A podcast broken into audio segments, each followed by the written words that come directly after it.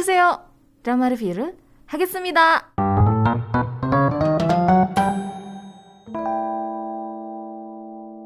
Oke, drama Uncle ini merupakan sebuah drama remake dari sitcom BBC dengan judul yang sama yang disutradarai oleh Oliver Revson dan juga Laila Vandenberg yang ditayangkan tuh di tahun 2014 sampai 2017 jadi lumayan panjang ya.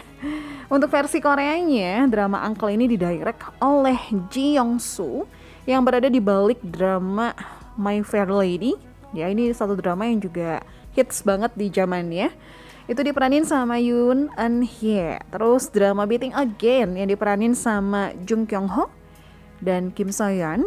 Terus drama Room Number 9 ini juga drama seru banget yang diperanin sama Kim Hee Son, Kim Hye Suk sama Kim Yong Kwang. Nah, kali ini Ji Yong Soo mendirect drama Uncle. Untuk skripnya itu ditulis oleh Park Ji Suk yang pernah menulis drama My Blooming Days, Hero dan lain-lain. Drama Uncle versi Korea Selatan ini cukup beda dengan versi aslinya. Jadi kalau misalnya pendengar nonton versi aslinya itu lebih mengarah ke komedi gitu. Jadi lebih lucu lah gitu, lebih bikin kita ketawa-ketawa. Sementara untuk versi remake-nya ini dibuat lebih emosional dan menyentuh gitu. Lebih berpusat pada masalah keluarga. Terus ngebahas juga tentang uh, gimana sih rumah tangga di Korea Selatan yang lebih tradisional gitu. Kita bahas pemeran-pemeran di drama ini sambil aku ceritain pelan-pelan soal drama ini ya. Jadi untuk pemerannya itu ada Oh Jung Se yang di drama ini sebagai sosok uncle atau Samchun di drama ini ya. Dia tuh berperan sebagai Wang Jun Hyuk, seorang laki-laki yang baik, baik banget dia tuh.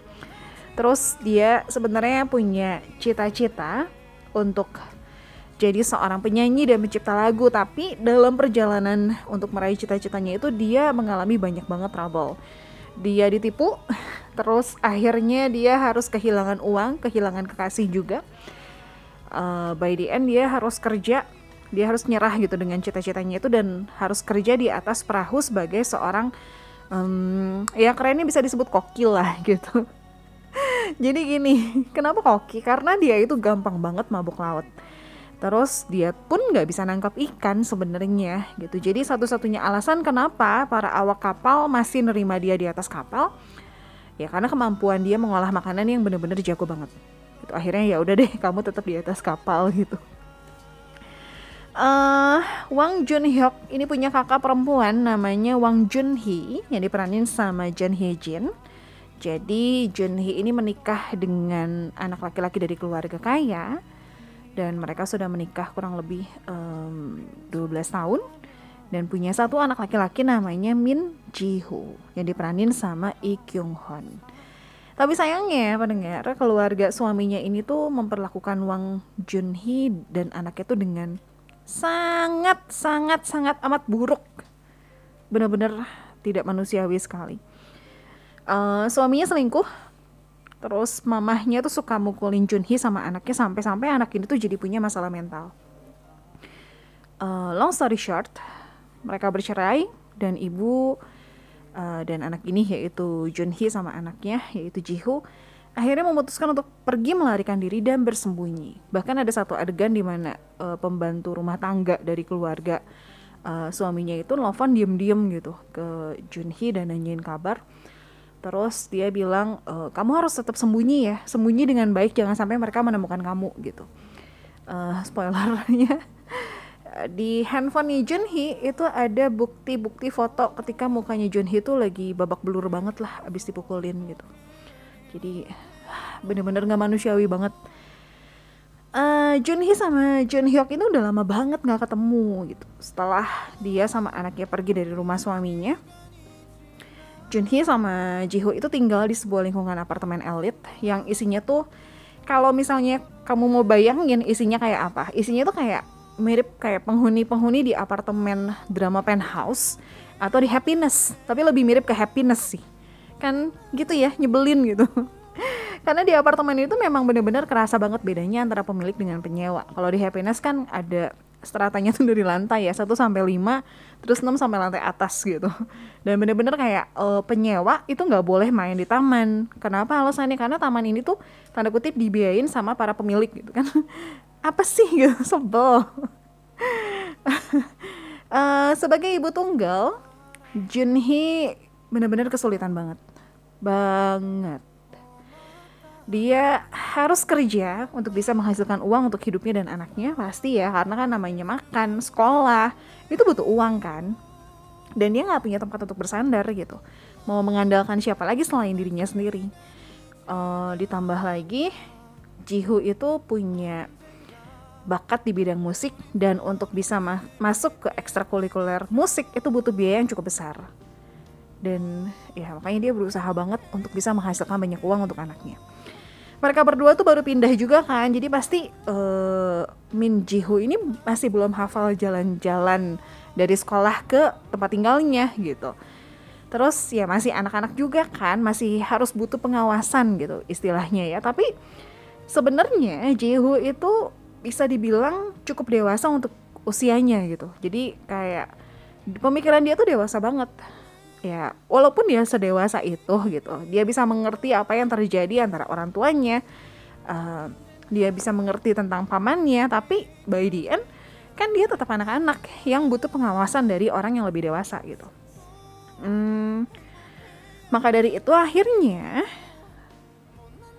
uh, Junhee ini minta tolong bantuan gitu minta kakaknya eh, kakaknya lagi adiknya untuk ngejagain Jihu anaknya gitu. Karena waktu itu uh, Junhee sendiri juga mengalami sebuah kecelakaan di tempat kerja. Jadi dia minta tolong kakaknya tolong dong kamu datang kamu jemput uh, keponakan kamu gitu. Dan ini jadi satu hal yang lucu juga gitu. Karena kan mereka berdua tuh sama-sama belum pernah ketemu sama sekali. Selama hidupnya uh, Jun Hyuk itu baru ngelihat Jihu ketika dia baru lahir masih bayi sekarang kan udah tumbuh gede gitu ya. Jadi mereka berdua tuh belum pernah ketemu dan itu jadi satu cerita yang uh, bikin ketawa-ketawa juga ketika pertemuan pertama mereka di sekolah. Yang penasaran nonton aja ya aku nggak mau nge-spill terlalu banyak. Uh, bagi John Hyuk ini pun jadi satu hal yang baru ya. Satu sisi dia nggak suka anak-anak dan sekarang tiba-tiba dia harus jadi pengasuh keponakannya gitu. Dan karena tugas barunya ini mau nggak mau Jun Hyuk itu harus jadi sosok dewasa untuk keponakannya menjadi pelindung gitu untuk kakak dan keponakannya. Karena ternyata akhirnya uh, Jun Hyuk yang selama ini berpikir kalau kakak perempuannya itu hidup dengan enak hidup dengan bahagia ternyata di balik itu kakaknya menderita dan dia kayak wah saya harus jagain kakak saya gitu. Uh, dia kayak punya perasaan kayak gitulah. Drama ini total ada 16 episode ya tayang di TV Joseon um, cukup sulit untuk nonton drama ini sebenarnya. Padahal drama ini bagus banget pendengar, tapi sayangnya gitu kayak nggak tersedia di VOD VOD mana pun. Mau dicari di mana tuh kayak susah banget nonton drama ini. Mentok-mentok kita ada cuma di Viki, tapi di Viki pun itu nggak tersedia di Indonesia gitu. Jadi sayang banget padahal dramanya bagus, cuman susah untuk nontonnya gitu. Uh, aku mau share beberapa hal yang buat aku menarik dari drama ini ya. Pertama, um, si ponakan sama paman ini tuh kayak kucing sama anjing gitu. Mereka berdua tuh sama-sama gengsi untuk bilang kalau mereka tuh sama-sama saling membutuhkan dan saling care gitu. Tapi kayak gengsi. nggak mau ngomong di balik sikap Hyuk yang cuek gitu kayak dia sering banget bilang sama ponakannya ini pertemuan kita terakhir ya gitu di awal-awal tuh dia sering banget ngomong kayak gitu e, saya nggak mau ketemu kamu lagi terus si ponakannya juga ngomong ya udah kamu bener ya besok bener-bener pergi ya nggak boleh datang lagi ya gitu. Tapi di underset mereka berdua tuh kayak saling berharap untuk tetap ketemu. Um, di balik sikap Jun Hyuk yang cuek ternyata dia tuh sayang banget sama keponakannya ya. Fun fact di dompetnya Jun Hyuk itu ada foto bayinya Jihu sweet banget ya. Ya walaupun dia bilang dia naruh foto itu karena benci banget sama keponakannya ya gitu. Karena um, dia bilang keponakannya itu yang ngerebut cita-cita dia untuk jadi penyanyi Padahal sebenarnya enggak gitu. Bisa dibilang uh, Jun Hyuk itu adalah orang yang paling bahagia waktu Jiho lahir. Itu kelihatan banget tadi ekspresinya. Jadi uh, bahkan di foto di dompetnya aja tuh cuma ada fotonya Jiho gitu, foto bayinya Jiho. Terus um, di episode yang kedua di bagian epilog itu ada kalimat yang bagus banget. Kalimatnya kurang lebih kayak gini. Setiap orang itu punya rahasia. Rahasia yang nggak pengen orang lain tahu, tapi nggak ada rahasia yang bisa kamu simpan untuk selamanya. Spoiler, jadi ternyata para penghuni apartemen itu masing-masing setiap keluarga punya satu rahasia yang mereka pendem dalam-dalam. Yang um, istilahnya gimana ya? Istilahnya jadi kayak mereka bisa ngejudge keluarganya Jeho ini adalah keluarga yang miskin, yang tidak berpendidikan gitu ya, pokoknya yang jelek-jelek gitu. Tapi kalau misalnya kita perhatiin ke cerita masing-masing keluarga, ternyata mereka juga punya dark side-nya masing-masing yang mereka coba sembunyiin gitu. Terus kalau misalnya pendengar nonton drama ini, aku ingetin ya, siapin tisu di samping. Jaga-jaga siapa tahu cuma berkaca-kaca mungkin nggak butuh, tapi siapa tahu netes kan pasti butuh tisu ya. karena dari episode kedua aku ngerasa episode satu sih masih belum terlalu gimana karena masih pengenalan karakter dan alur ceritanya masuk ke episode 2 ketika uh, kebenarannya sudah mulai terungkap sedikit demi sedikit itu banyak banget adegan-adegan yang bikin mata jadi berkaca-kaca acting dari setiap pemainnya juga benar-benar keren banget pendengar uh, Oh Jung Se ya nggak perlu diragukan lagi lah ya dia mendapatkan penghargaan juga sebagai aktor pendukung terbaik di ajang Baeksang Arts Awards tahun 2020 dia pernah main di drama When the Camellia Blooms tahun 2019. It's Okay Not To Be Okay, ini yang dia juara banget tahun 2020. Bagus banget aktingnya, dia jadi sosok kakak yang berkebutuhan khusus. Um, nonton deh, itu pun dramanya harus siapin tisu dan ada cerita yang menyentuh juga. Uh, jadi ada salah satu fansnya dia yang berkebutuhan khusus juga atau apa ya pokoknya nggak sempurna lah gitu yang pengen ketemu sama Ojung Se. Akhirnya ketemuan dan Ojung Se itu bener-bener pakai baju dan berperan ya, bukan berperan ya, maksudnya berperilaku seperti uh, peran dia di It's Okay Not To Be Okay itu. Itu jago banget dan Ojung Se ini sebenarnya dia itu nggak bisa ngenalin orang. Dia punya kekurangan itu dia nggak bisa ngenalin orang. Jadi eh uh, ya itulah kerennya dia gitu. Sama terakhir itu 2021 dia main di Jirisan. Jirisan juga ada beberapa momen di dramanya yang bikin aku kayak wah dia keren banget gitu. Cuman memang yang paling juara It's Okay Not To Be Okay sih. Itu juara banget. Kalau kamu pengen nonton drama Korea, wajib banget untuk nonton It's Okay Not To Be Okay. Terlepas dari kontroversi yang ada ya. Tapi dramanya benar-benar worth it banget untuk ditonton. Jadi silahkan ditonton. Terus pemeran yang kedua John Hye Jin ini juga udah sering banget kita lihat di layar kaca dan layar lebar. Dia juga mendapatkan penghargaan sebagai aktris pendukung terbaik di ajang Blue Dragon Awards tahun 2015. Beberapa drama dia yang buat aku berkesan banget ya adalah trip, uh, Search Triple W tahun 2019. Terus dia juga muncul di Stranger season yang kedua ya.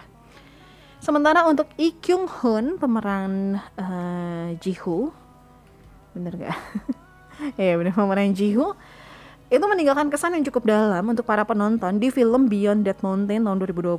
Untuk drama yang pernah dia mainin itu drama Welcome to Waikiki season yang kedua, Hachi, Memories, dan lain-lain. Dan aku ngerasa dia cocok banget sih untuk meranin uh, karakter Jiho. Um, kalau lagi biasa gitu ya, maksudnya lagi lagi yang biasa aja, dia tuh terlihat seperti anak yang pendiam banget. Pendiam tapi dewasa gitu tapi begitu main-main sama pamainnya senyumnya tuh benar-benar senyum bahagia banget dan cocok banget. Aku ngerasa gitu. Dan by the way drama ini juga jadi ajang comebacknya untuk Isang Woo itu jadi salah satu orang tua murid juga di drama ini. Uh, dia itu suaminya Kim Soyeon sempat muncul juga di drama Penthouse jadi cameo. Ya so far dramanya bagus untuk ditonton ya. Banyak pelajaran-pelajaran yang bisa kita ambil um, untuk soundtracknya juga bagus-bagus banget pendengar. Dan soundtracknya beberapa sudah ada di playlist kita. Jadi sudah bisa di request ya